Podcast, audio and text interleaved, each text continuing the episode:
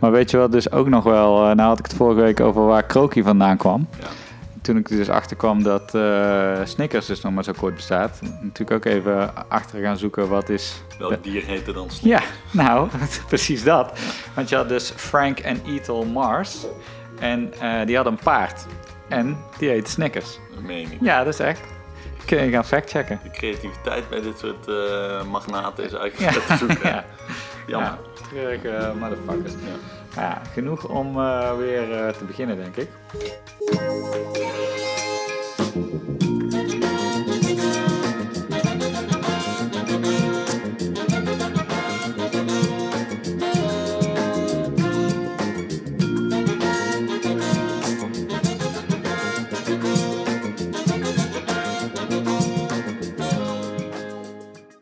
Ja, en dan zijn we weer. Eh, trouwe luisteraars hadden het misschien al gehoord aan de intro, maar eh, de man is back. Wouter, welkom hier weer. Vorige u. week hadden we eh, Roy even een keer op zich goed bevallen, maar Wouter is natuurlijk toch een vertrouwde stem in deze podcast. Ehm, nou praten we eigenlijk vaak over één onderwerp in de laatste podcast, maar ik dacht misschien moeten we dat toch weer eens veranderen. En een paar kleinere onderwerpen introduceren. Mhm. Ehm, en ehm, ik ga ze nog niet eh, verklappen. Nee, dat is jouw nieuwe stijl. Hè? Je moet gewoon eh, Casual eh, erin rollen. Echt hele natuurlijke bruggetjes Ja, precies. Het is nou natuurlijk alweer een beetje mislukt. Nou, alweer blijkt dat we toch drie onderwerpen hebben. Ja. Maar ik was van de week op ehm, een Digital Wednesday avond. Een soort sprekersavond in Eindhoven. En dat stond in het thema van podcasting. Mhm. En dat was best wel leuk. omdat daar ook weer eens wat nieuwe type podcasts besproken werden.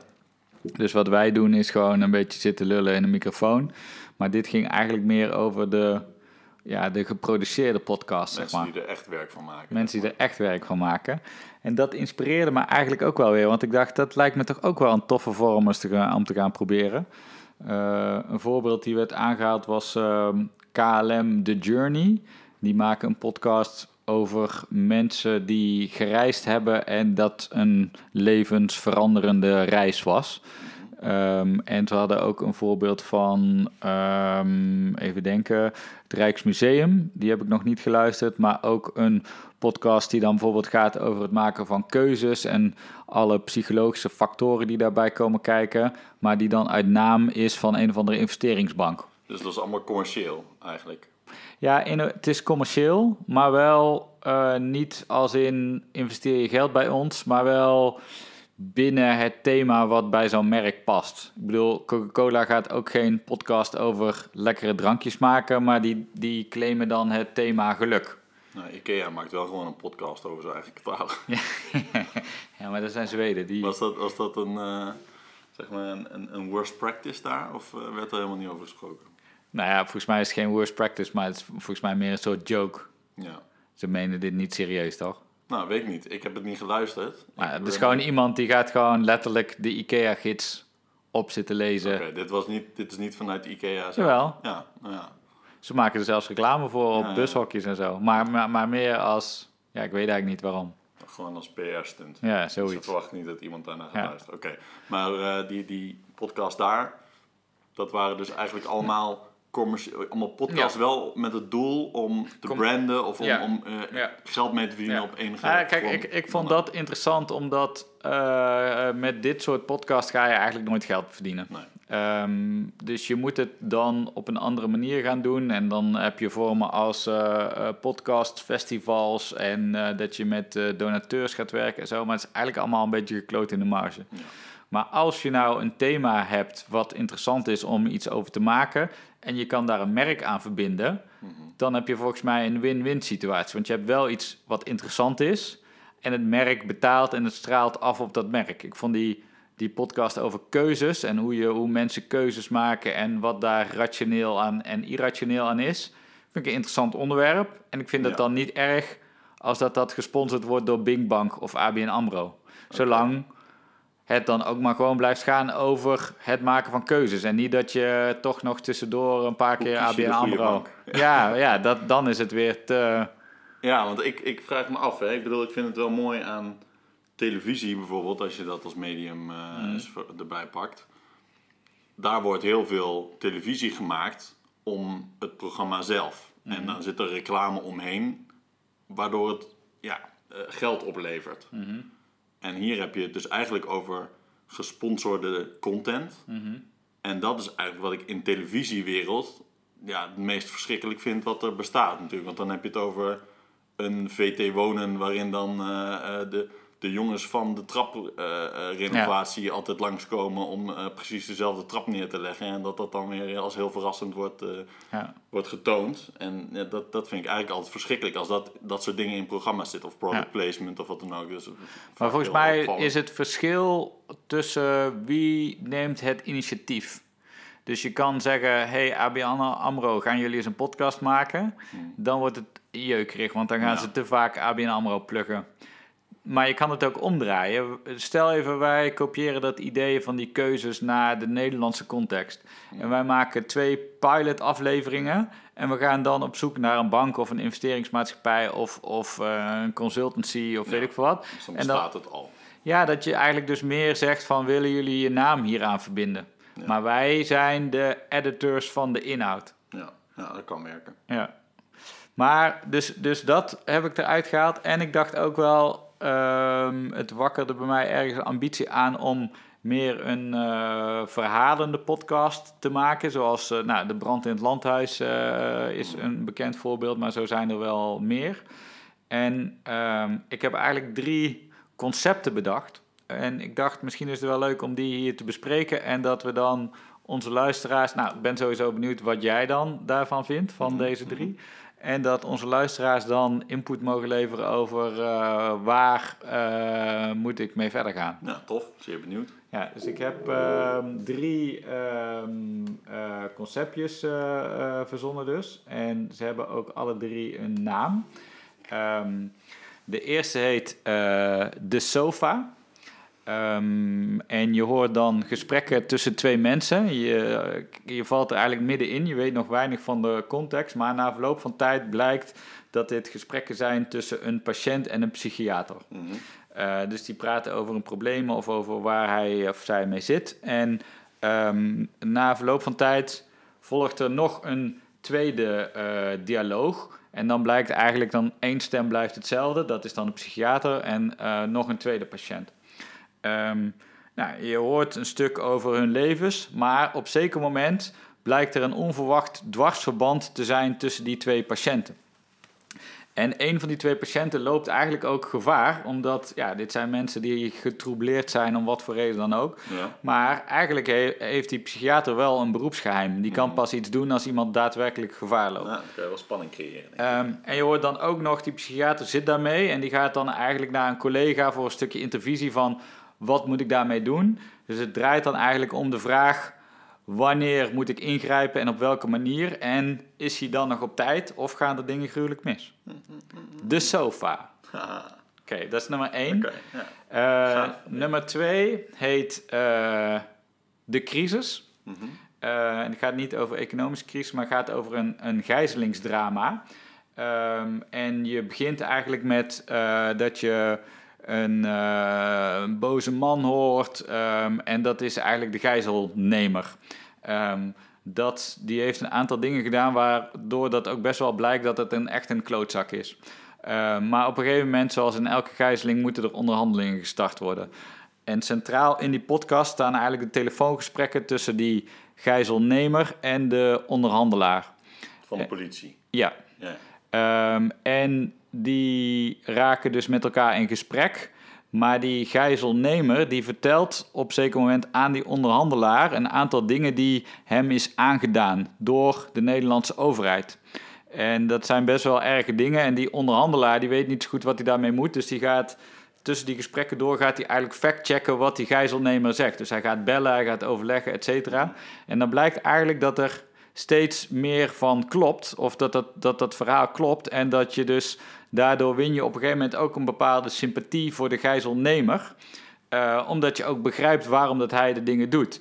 Maar ja, zoals in ieder gijzelingsdrama is er ook altijd een spanningsveld tussen onderhandelen en ingrijpen. Dus uh, de vraag is eigenlijk, wint de onderhandeling?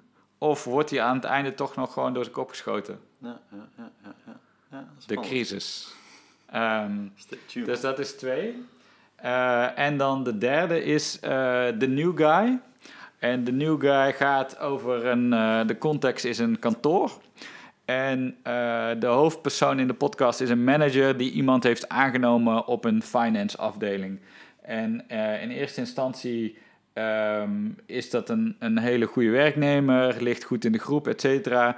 Maar op een gegeven moment beginnen er dingen op te vallen. Hij begint zich raar te gedragen... En eh, het blijkt dan dat die new guy bezig is met geld witwassen en door te sluizen naar een soort IS-achtige organisatie. Ehm, die new guy die komt niet aan het woord, maar eigenlijk in die podcast blik je terug op het hele verloop eh, met die manager en een aantal collega's. En het blijft eigenlijk nog heel lang onduidelijk of dat die de new guy ermee weg is gekomen. Of dat hij uiteindelijk toch eh, tegen de lamp is gelopen en is opgepakt. Ja, en dit wordt op een soort reality manier gebracht of zo, Ja. met interviews. Ja, En- ja, ja, ja. Dus we hebben eh, de SOFA, psychiater en patiënt, wanneer moet hij ingrijpen? Eh, de crisis, gijzelaar en onderhandelaar. En sympathie en door zijn kop geschoten. En de new guy. Mhm. Wat is jouw, eh, waar denk jij dat de meeste Waar- waar potentie zet ik zit? mijn geld op? Ja. Ehm, ik denk dat de new guy heel relatable is voor iedereen. Of Mhm. dat je je goed kan identificeren met die, met die personen. Want eh, we zitten toch eh, bijna allemaal wel ergens op een kantoor. Mhm. En dan kan je je wel voorstellen, denk ik, dat er zoiets gebeurt. En als het dan op een reality-achtige manier wordt gebracht, dan denk ik wel dat dat een soort van herkenbare eh, situatie kan zijn. die, die daardoor heel spannend kan zijn. Ehm, maar ik denk ook dat die crisis, dat, dat, die zou ik ook wel heel vet Ja. vinden. Ja, omdat het Die gewoon je- meer Hollywood-achtige actie Ja. en spektakel Ja, eh, die new erin zit. guy is dan een beetje onduidelijk nog hoe, hoe maak je die verhaallijn dan interessant. Daar zit, daar zit potentieel een interessante Ja, verhaallijn, maar het blijft kunt abstract. natuurlijk steeds meer ontdekken, van, meer, meer rare dingen ontdekken wat hij doet. En, Ja. en dat soort dingen. En het moet natuurlijk in het begin, misschien moet hij in het begin alleen nog maar een beetje een rare snuiter zijn. Ja. Dat ze nog helemaal niks eh, achterzoeken en dat, dat, eh, dat er nog steeds Ja. meer bewijsmateriaal komt. Dan kan ik me wel voorstellen dat je daarmee heel erg opbouwt. Ja. Maar eh, ja, die crisis heeft natuurlijk, ja, die heeft, heeft heel veel in zich qua spektakel en, en, en, en, makkelijker nog meer spanning op te wekken. Ik denk ook dat die wel audiotechnisch goed kan werken, Ja. omdat het, je weet ook dat het een telefoongesprek is. Ja. Dus je hoeft niet per se die mensen in beeld te zien. Ja, plus als je aan de kant van de detective staat of van de politie staat, dan hoor je dus alleen maar wat die gijzelnemer loslaat in zo'n telefoongesprek. En je weet dan misschien als luisteraar ook niet wat er zich daar afspeelt. En Nee. eh, het wordt dan heel spannend wat je daarin terug hoort. Misschien hoor je dingen op de achtergrond gebeuren en moet je gaan interpreteren Ja. wat dat dan is. Dat lijkt me ook wel gaaf. Dus eh, ja, ik denk dat het wel innovatieve concepten... Je gooit het hier eh, zomaar wel even eh, vrij in de ether, hè? Open source, hè? Gewoon Twee- allemaal op jouw intellectual property... eh, 2019. Iedereen, iedereen kan dit nu gaan maken. Ja. Dus ik vind ook, als je nou dit luistert... dat gaat maken. Als je dit nou luistert en denkt, het zijn goede ideeën. Ja, ga ermee aan de haal. Ehm, en je mag het helemaal zelf uitwerken, maar je mag ook zeggen... Fucking goede idee, ik wil hier aan meewerken. Want dat, jij kent mij ook een beetje. De vraag is ook, gaat Chris dit nou ook daadwerkelijk doen? Chris gaat dit niet doen. Nee, dat denk ik ook niet. Ehm, Maar hij wil het wel. Chris wil er wel best eh, zich mee bemoeien als het inderdaad gebeurt. Ja, nee, leuk. ik vind, zou het leuk vinden als er nou iemand opstaat die zegt... ik heb wel zin om dit met jou uit te gaan werken. Ja. Dan eh, wordt de kans van slagen groter. ja, het zijn wel... Ik bedoel, wij kunnen hier tegenover elkaar gaan zitten en een al dan niet interessant gesprek hebben. En eh, dan flikker je dat gewoon online. Inderdaad, dit zijn wel podcasts waar je echt mensen voor nodig hebt. Gewoon echt acteurs voor Mm. nodig hebt natuurlijk. Hè? Dat is wel... Dit vergt zo, zoveel meer inderdaad Ja. eh, dan, eh, dan wat we hier aan het doen zijn. Of, Ja. Dus dat is, echt, dat is echt een flinke productie. Alle Ja. drie zijn flinke producties, denk ik. Ja. ja, maar goed, dat maakt ook niet uit. Dus we gaan hier eh, op door. Ehm, ik vond ook Oh. nog wel... ehm ehm, nee, die bewaar ik voor een andere keer. Ik wou zeggen over projectfinanciering. Hebben we het natuurlijk net al een beetje over gehad. Maar Mhm. ik, ik zag... Ik zag nog een ander project, eh, Streets of the World, een fotografieproject van een Nederlands fotograaf. Die heeft in 100, alle 195 hoofdsteden van de wereld eh, foto's gemaakt van straattaferelen. Nou, een heel groot project, heeft hij drie jaar aan gewerkt. Maar wat ik daar ook wel tof aan vond, is dat hij dat gewoon heeft laten voorfinancieren. Door, uh, ik weet even zijn naam niet meer, uh, in ieder geval de, de oprichter van uh, USG Uitzendbureau, die nou gepensioneerd is, staat quote top 50 doet. Um, dat is ook wel weer tof, dat je gewoon in plaats van een soort van bootstrapping true life, dat je gewoon zegt, hé, hey, geef mij zo'n ton, dan werk ik dit even lekker uit. Ja, op mijn gemakje. Ik heb een goed idee. Ik, ja. Ja. Maar goed, dan, dat is nog iets ingewikkelder. Um, een tweede waar ik het ook nog wel even over wilde hebben is um, onze Zweedse klimaatmeisje. Ja. Uh, Erik met een K, die wees mij daar ook uh, op. Je kent hem. Mm -hmm. um, maar zij heeft een speech gehouden voor de VN. Ja. Uh, een emotionele speech. Greta Thunberg hebben we het nu over, hè? Ja, ja. We hebben even gekeken hoe je dat nou precies uitspreekt, want eh, je wil natuurlijk geen modderfiguur slaan. Ik uh, blijf het voor de veiligheid, denk ik, het Zweedse klimaatmeisje noemen. heel goed. Greta. Nee. Um, zij heeft een speech gehouden waarin zij de wereldleiders opriep tot actie. En, uh, uh, maar daar zat met name heel veel woede en emotie in. Um, haar betoog was inhoudelijk, denk ik, best wel waterdicht. Maar het, het riep toch een schokgolf van reacties op deze week. En ik heb me daar best wel een beetje over verbaasd. Van, van hoe komt dat nou? Mm -hmm. Heb je er, ik heb niet heel die speech gezien, maar wel fragmenten. Ik ook zelf, ja. En wat was jouw gevoel? Um, ik vond het. Het maakte wel indruk, vond ik. Ja? Uh, en ik denk dat het inderdaad indruk maakt doordat zij het uh, eigenlijk zo vrijwel huilend of on the verge of mm. huilen mm. Uh, brengt. Als kind. Um, dat het echt vanuit die generatie komt. Mm -hmm. En ik denk dat zij ook spreekt voor een deel van die generatie. De school, of de klimaatspijbelaars, of klimaatstakers. Die allemaal achter haar uh, call staan. Dus ik denk dat het daardoor impact maakt. Uh, en ik, maar ik snap ook de verontwaardiging uh, van... Ja, ze, wordt, ze wordt veel als soort van kinderarbeid of kindsoldaat of zo wordt zij gezien. Hè? Mm -hmm. En ja, dat, ik snap dat, dat mensen uh, dat zo willen brengen. Omdat het natuurlijk ook... Ja, het is niet voor niks een kind. Het maakt gewoon meer impact als zij het zegt dan als een of andere politicus het zegt. Ja. Dus ik snap wel dat zij al die support krijgt van de hele klimaatlobby, Mhm. als je het zo wil noemen. Maar ja, bedoel, zij wordt natuurlijk gesteund door de hele wetenschap, Mhm. zou je kunnen zeggen. Uh, dus daar komt heel veel, uh, ja, heel veel backing krijgt zij natuurlijk. Mhm. Ja, het is wel heel veel voor zo'n meisje, lijkt me ook, persoonlijk. En dat is ook wat veel mensen nemen het als het ware voor haar op. Maar ja, dat zijn natuurlijk eigenlijk lui die gewoon die message niet willen horen. Maar hoezo nemen ze het voor haar op? Nou, die zeggen ja, zij wordt misbruikt. Of, Ja, ja, ja. uh, Weet je wel, Ja. dat, soort, dat soort stemmen hoor je. Ja, nou, ik heb niet per se dat gevoel dat zij misbruikt wordt, maar ik, ik denk wel bijna, en misschien ben ik daar dan ook te cynisch voor of zo, maar eh, wat zij in een jaar tijd voor elkaar heeft gekregen is heel veel. Eh, maar bijna dat ik ook denk, oké, wat zit daar omheen, zeg maar. En Mhm. Dat zij het voor elkaar krijgt om de VN toe te spreken. Ehm, en omdat zij gewoon een meisje is van 16. Ja. Uh, dus dat gevoel heb ik ook wel ergens. Ik had niet zozeer die irritatie die bij veel mensen wel ook uh, leeft. Maar ik snap het wel ergens omdat er... Um, er zit ook wel een hele felle toon in. En juist Mhm. inderdaad omdat het van een kind komt... Dan, dat je dan denkt, nou, nou, nou meisje... Doe maar even rustig, zeg maar. ja. Dus, Nou ja, ik denk dat het juist... eh, Het moet juist fel. Ehm, want het is nou, er wordt niet genoeg gedaan. Daar Nee. ben ik zelf ook van overtuigd. ja. We zijn allemaal eh, daar te gemakkelijk in. En eh, ja, haar, haar argument is ook over dat spijbelen. Ja, jullie zeggen wel dat wij naar school moeten. Eh, jullie verplichten ons om, eh, Mhm. om naar school te gaan. Maar ja, jullie laten eigenlijk helemaal geen wereld achter waarvoor wij naar school zouden Mhm. moeten gaan. Mhm. Of waarvoor wij ons zouden moeten opleiden. Want eh, Mhm. we're all fucked Ja, eh, op deze manier. ja, Dus waarom hoe, hoe- ja, hoe kom je erbij om ons dingen op te leggen? Ja. Wij willen dan ook wat, wat terug eh, verplichten eh, aan, aan jullie generatie.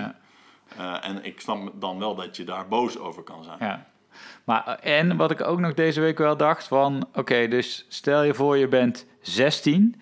Je zit gewoon op school. En, en in een periode van 12 maanden word je in één keer een internationaal boegbeeld. Ja, met, met alles wat daarbij komt. Met de haat en, en weet ik veel wat. Ja. Eh, hoe blijf je dan in godsnaam overeind? Zeker als je pas 16 bent. Dat je niet nog de relativering hebt van eh, het waait wel weer over. Of eh, Ja. eh, dit, dit is nou Ja. eenmaal het effect van kop van jut zijn. Kijk, ik denk dat. Ik bedoel, zij wil dit wel. Dus zij, Mhm. ja, zij heeft wel natuurlijk meegedaan aan allerlei debatten. En ze, heeft, ze is groot geworden daarbinnen. Mensen zagen iets in haar en hebben haar daardoor op steeds grotere podia gezet. Mhm. Ehm, eh, en zij wil dat podium ook pakken. Ik denk dat het. Het is misschien wel vergelijkbaar met een. Een Britney Spears, weet je wel, beauty pageants en dit en dat vanaf kinds af aan. eh, Mickey Mouse Show, Ja. weet ik veel allemaal. is een kindsterretje. Mhm. Groeit op die manier op met een hele gekte eh, om zich heen. Ja. En ja, die snapt op een gegeven moment wel. Ja. Ehm, dus ja, ik kan me wel voorstellen dat je het opzoekt en dat je dan die fame hebt. Zij doet het waarschijnlijk niet eens voor, haar, voor zichzelf en voor de fame, maar wel ja, voor de wereld. Maar op een gegeven moment eh, denk ik wel dat, dat je een kans hebt dat je daar onderdoor gaat. Ja. Ja. Ik ben heel benieuwd hoe, hoe het doorgaat met haar. Ik, kijk, haar kracht is natuurlijk inderdaad mensen in beweging brengen, discussie losmaken. Eh, voor de echte oplossingen denk ik dat zij een te activistische toon heeft. Hè? Want dan moet je Mhm. toch in dialoog gaan en gaan polderen en weet ik wat. Maar ja, tegelijkertijd zie je dat dat heeft de afgelopen tien jaar niks opgeleverd. Dus dan is het ook wel heel goed om zo'n soort van eh, extremer geluid, waardoor je wel het, het debat misschien een, een goede kant op trekt. Ja, dat denk ik ook. Dat extreem geluid moet gehoord worden. Anders dan blijven we toch weer geld eh, eh, nastreven, want dat is het makkelijkste. Ja. Als we blijven polderen, dan... eh, ja. Wat ook een eh, mooi semi-natuurlijk bruggetje is naar ons derde onderwerp, over extreem geluid eh, gesproken. En dat was eh, de minister die deze week in het nieuws kwam met het speelgoed.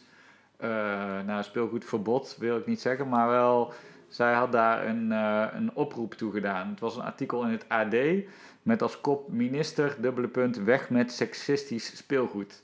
Minister Ingrid van Engelshoven van Emancipatie roept speelgoedfabrikanten op rolbevestigend speelgoed in hun collecties onder de loep te nemen. eh, nemen. Ook voert Van Engelshoven een discussie over stereotypering met de uitgevers van schoolboeken. Ehm, nou, dit eh, ontketende ook een soort van vloedgolf van reacties. ja. Heb je daar iets van meegekregen? Ja, ik, eh, we hebben het laatst over Twitter gehad. En Mhm. nou dit kwam ik dan ook weer met name op Twitter tegen. En ja, je- er zit heel veel rechtsconservatief op Twitter. Ook in Nederland eh, hebben we de laatste keer al gezien. En dat zie je ook wel weer hierin terug. Ehm, wat mij opviel was een tweet van bijvoorbeeld Jack van Gelder. Jack Ja. van Gelder is natuurlijk een groot Nederlands eh, sportcommentator.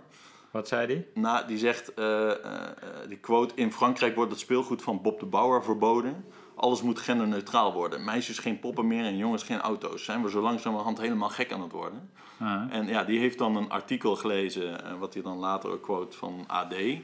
Dat kopt met Bob de Bouwer eh, verboden in Frankrijk. ja, Eh, de- later in dat artikel gaat het daar helemaal niet over. Dus Bob de Bouwer wordt daar bijvoorbeeld helemaal niet genoemd. nee, En het gaat puur over het afschaffen van hoeken voor jongens en meisjes. Als we, of de echte marketing naar jongens en meisjes specifiek toe. Terwijl oud, meisjes mogen natuurlijk nog steeds met autootjes spelen, maar ook met poppen. En eh, jongens eh, hetzelfde. En ehm, die Jack van Gelder die snapt dus dat hele bericht niet. Maar het bericht wordt ook wel heel raar eh geframed door het AD Ja. bijvoorbeeld, maar ook door hele, heel andere eh, media. Ehm, dus hier zie je wel weer dat dit, de media framen dit expres heel extreem. Terwijl eigenlijk gaat het over, ja, in een speelgoedwinkel willen we geen roze hoek en een blauwe hoek meer, maar alles moet door elkaar.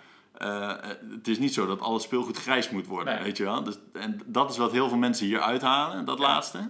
En dat zie je dan ook in de reacties van mensen die het met Jack van Gelder dan eens zijn en zeggen, ja, het wordt helemaal gek. Ja, mogen we straks, eh, laat kinderen toch lekker zelf kiezen waar ze mee spelen. Ja. En dat is precies Ja, het doel van, van dit hele beleid.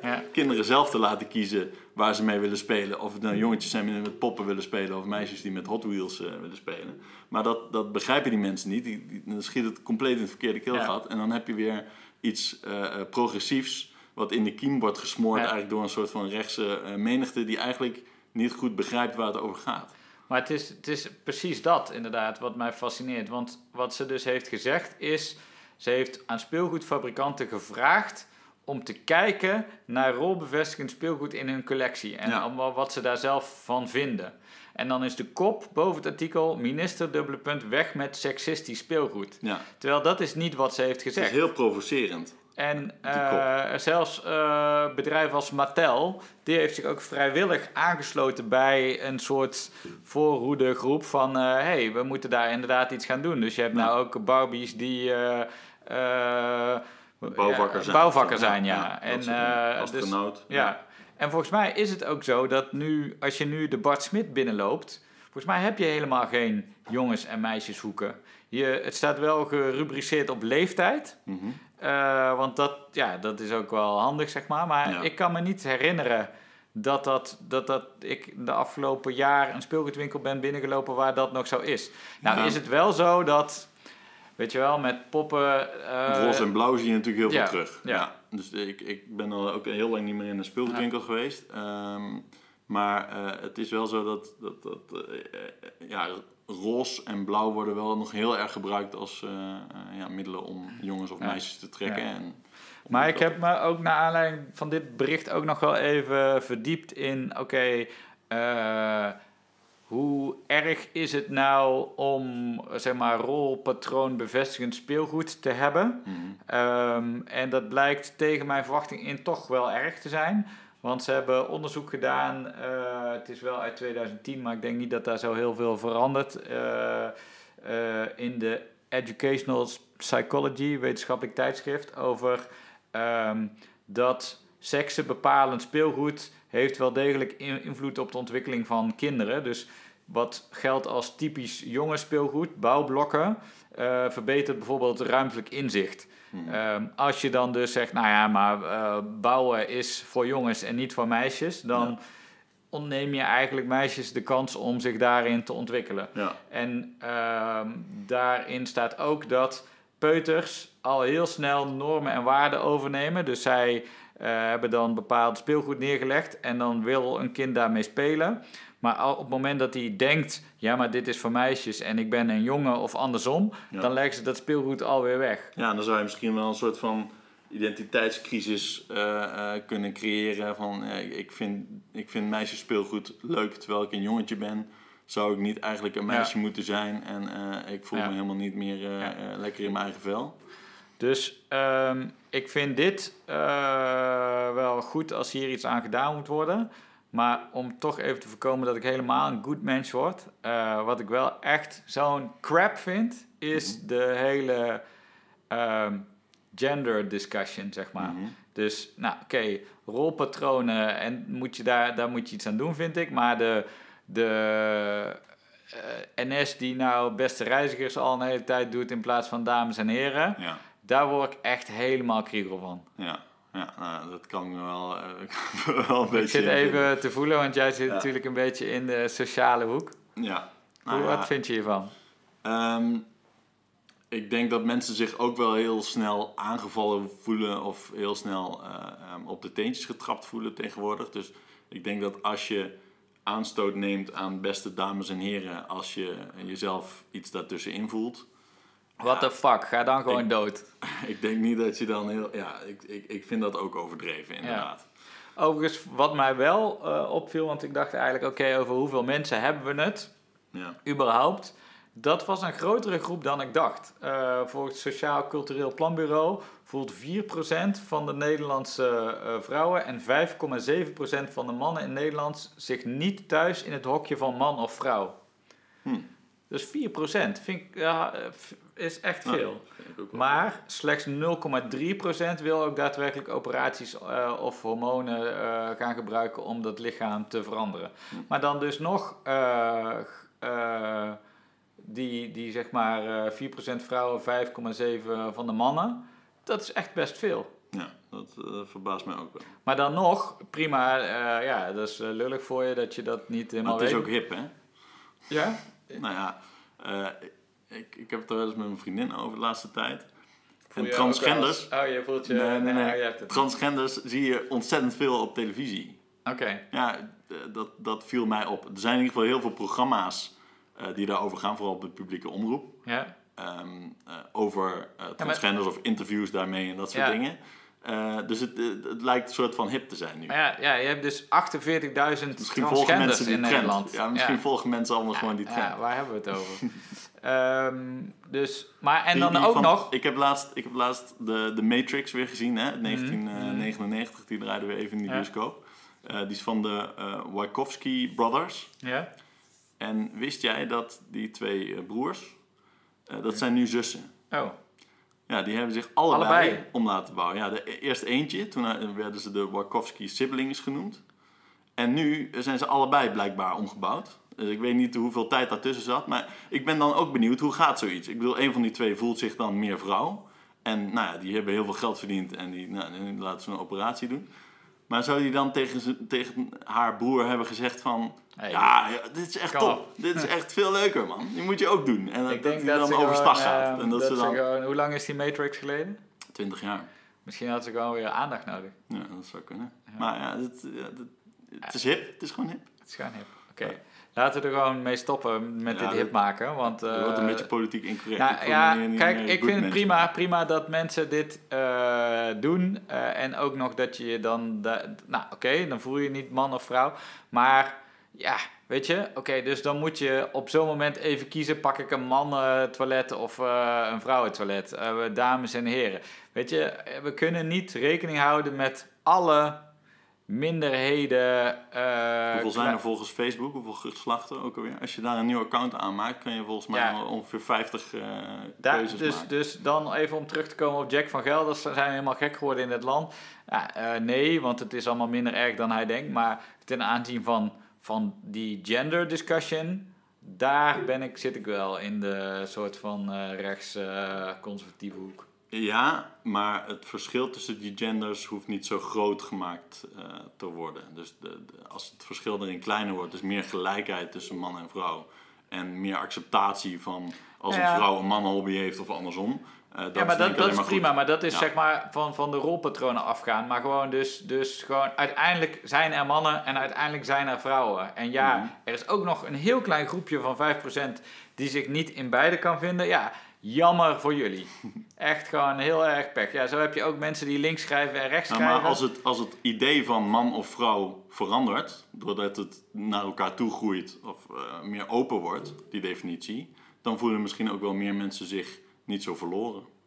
Ja, fuck die mensen. Oké, laten we het hierbij laten. Eh, tot volgende week en eh, de groeten aan een ieder. Ciao. Thank you.